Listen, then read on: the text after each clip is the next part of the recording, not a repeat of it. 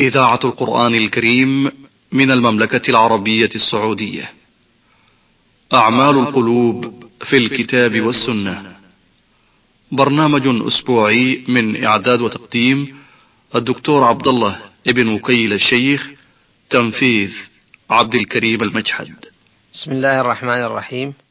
الحمد لله رب العالمين والصلاة والسلام على أشرف الأنبياء والمرسلين نبينا محمد صلى الله عليه وعلى آله وصحبه أجمعين. أيها الإخوة المستمعون السلام عليكم ورحمة الله وبركاته وبعد. فقد سبق معنا في الحلقة الماضية أن المؤمن يستيقن قلب يستيقن قلبه أن عاقبة الظلم إلى خذلان وأن عاقبة الظالمين إلى بوار وفساد. وهذا اليقين من المؤمن يستتبع جملة أمور من السلوكيات تعبر عن تجذر تلك الحقيقة في قلبه واستقرارها في ضميره. وإلا فما فائدة عقائد لا تثمر عملا ولا تنتج سلوكا. ومن تلك السلوكيات الإنكار على الظالم ظلمه والأخذ على يديه بالقوة إن كان ذلك مستطاعا وإلا فلا أقل من إنكار ذلك باللسان أو القلب إن لم يستطع سواه. عن أبي بكر الصديق رضي الله عنه أنه قال يا أيها الناس إنكم تقرؤون هذه الآية يا أيها الذين آمنوا عليكم أنفسكم لا يضركم من ضل إذا اهتديتم. وإني سمعت رسول الله صلى الله عليه وسلم يقول إن الناس إذا رأوا إن الناس إذا رأوا ظالما فلم يأخذوا على يديه أوشك أن يعمهم بعقاب من عنده. رواه الترمذي. والنبي صلى الله عليه وسلم في هذا الحديث يحذر من التخاذل عن القيام بفريضة الإنكار على الظالمين لأن ذلك من أسباب العقوبات العامة التي تصيب الأمم حينما تنكص عن قول الحق أو تستهين في رد الباطل فتفسح له المجال وتتركه وما أراد يعيث في الأرض فسادا. ثانيا عدم الركون إلى الظالمين قال عز من قائل ولا تركنوا إلى الذين ظلموا فتمسكم النار وما لكم من دون الله من أولياء ثم لا تنصرون. قال الإمام القرطبي الركون حقيقة الاستناد والاعتماد والسكون إلى الشيء والرضا به. ثم ساق عن قتادة أنه قال لا تودوهم ولا تطيعوهم. وقال ابن جريج لا تميلوا إليهم. وقال أبو العالية لا ترضوا أعمالهم. وقال ابن زيد الركون هنا الإدهان أي المصانعة وذلك ألا ينكر عليهم كفرهم. انتهى. إن الركون إلى الظالمين من خلال المعاني المتقدمة للركون وما كان مشابها لها هو في حقيقته تشجيع لهم على ظلمهم ودفع بهم إلى تلك الممارسات الظالمة التي تخرب البلاد وتهلك العباد. ومن بديع معاني هذه الآية قوله تعالى الذين ظلموا. أي من وقع منه الظلم وليس بالضرورة أن يكون موصوفا بأنه من الظالمين أي الذين غلب الظلم على تصرفاتهم فمجرد وقوع الظلم ولو مرة واحدة موجب لترك الركون إليه ومصانعته وترك الإنكار عليه. إن ترك الركون إلى الظالمين هو أحد علامات الاستقامة الجادة التي تلتزم أحكام الشرع وتطبق مبادئه. ولذا سبقت هذه الآية بقوله تعالى: فاستقم كما أمرت ومن تاب معك ولا تطغوا إنه بما تعملون بصير. فالاستقامة الحقة امتثال كامل لأوامر الشريعة وبعد عن الطغيان والمجاوزة للحد وقطيعة مع الظالمين المعتدين.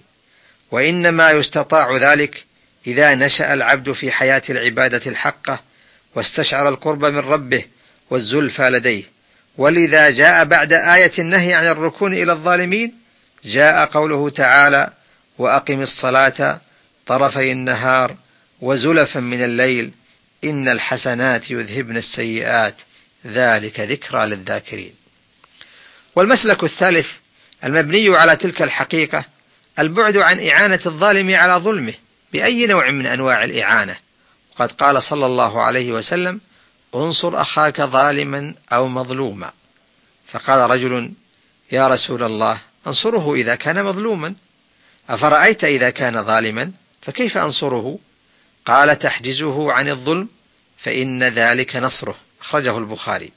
فالمطلوب من المؤمن تجاه الظالم موقف إيجابي وهو أن يأخذ على يديه ويحجزه عن ظلمه ويحول بينه وبين تحقيق ما يريد.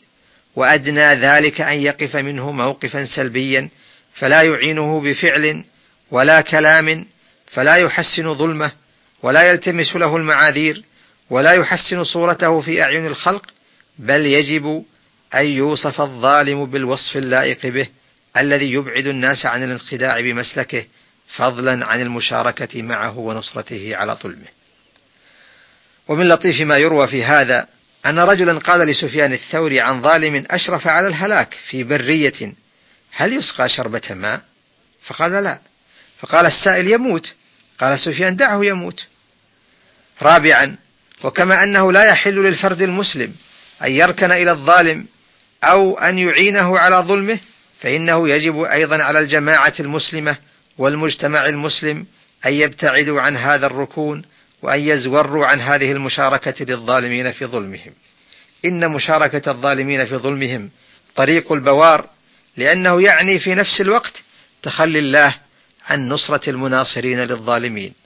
قال تعالى: ولا تركنوا إلى الذين ظلموا فتمسكم النار وما لكم من دون الله من أولياء ثم لا تنصرون وكثيرا ما يعود الظالمون على مناصريهم فيظلمونهم أيضا. وقد قطعوا هؤلاء وقد قطع هؤلاء المناصرون حبل المودة بينهم وبين ربهم فاستوجبوا الهزيمة والخسارة أمام أسيادهم الظالمين. وهذا من عجيب حكمة الله وتدبيره. فيوم أن تتخلى الجماعة المسلمة أو الفرد المسلم عن واجب النصرة للمظلوم وواجب الإنكار على الظالم فإن الله يعاقبهم بتسليط الظالمين عليهم. فإن النفوس الشريرة التي تهوى الظلم لا تقف عند حد ولا تنتهي إلى قرار. وربما أغراها بما هي بصدده خنوع الخلق لهم أو استحسانهم لفعالهم أو مباركتهم لتصرفاتهم. وحين ذاك ينكشف للمصانعين للظالمين كم كانوا في خداع عجيب مع حقائق الأشياء والوجود يوم أن وضعوا أيديهم في أيدي الظلمة وخلفوا كتاب الله وراءهم ظهريا الظلم خراب عظيم وتهديم جسيم لكل مكاسب الإنسان فهو خراب للبلاد اقتصاديا وعمرانيا وهو خراب لإزهاق النفوس البريئة بغير حق وخاصة إذا كانت تلك النفوس مؤمنة بالله واليوم الآخر ورسالة الإسلام. يقول ابن عباس رضي الله عنهما: أجد في كتاب الله تعالى أن الظلم خراب البيوت، ثم قرأ قول الله عز وجل: فتلك بيوتهم خاوية بما ظلموا إن في ذلك لآية لقوم يعلمون.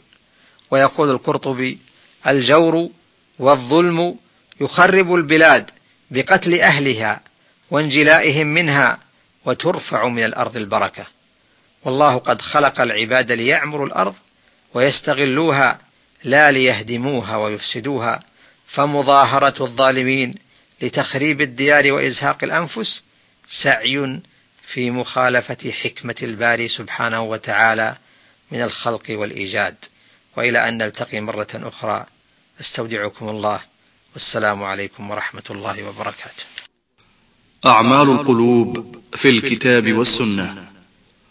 برنامج أسبوعي من إعداد وتقديم الدكتور عبد الله ابن وكيل الشيخ تنفيذ عبد الكريم المجحد.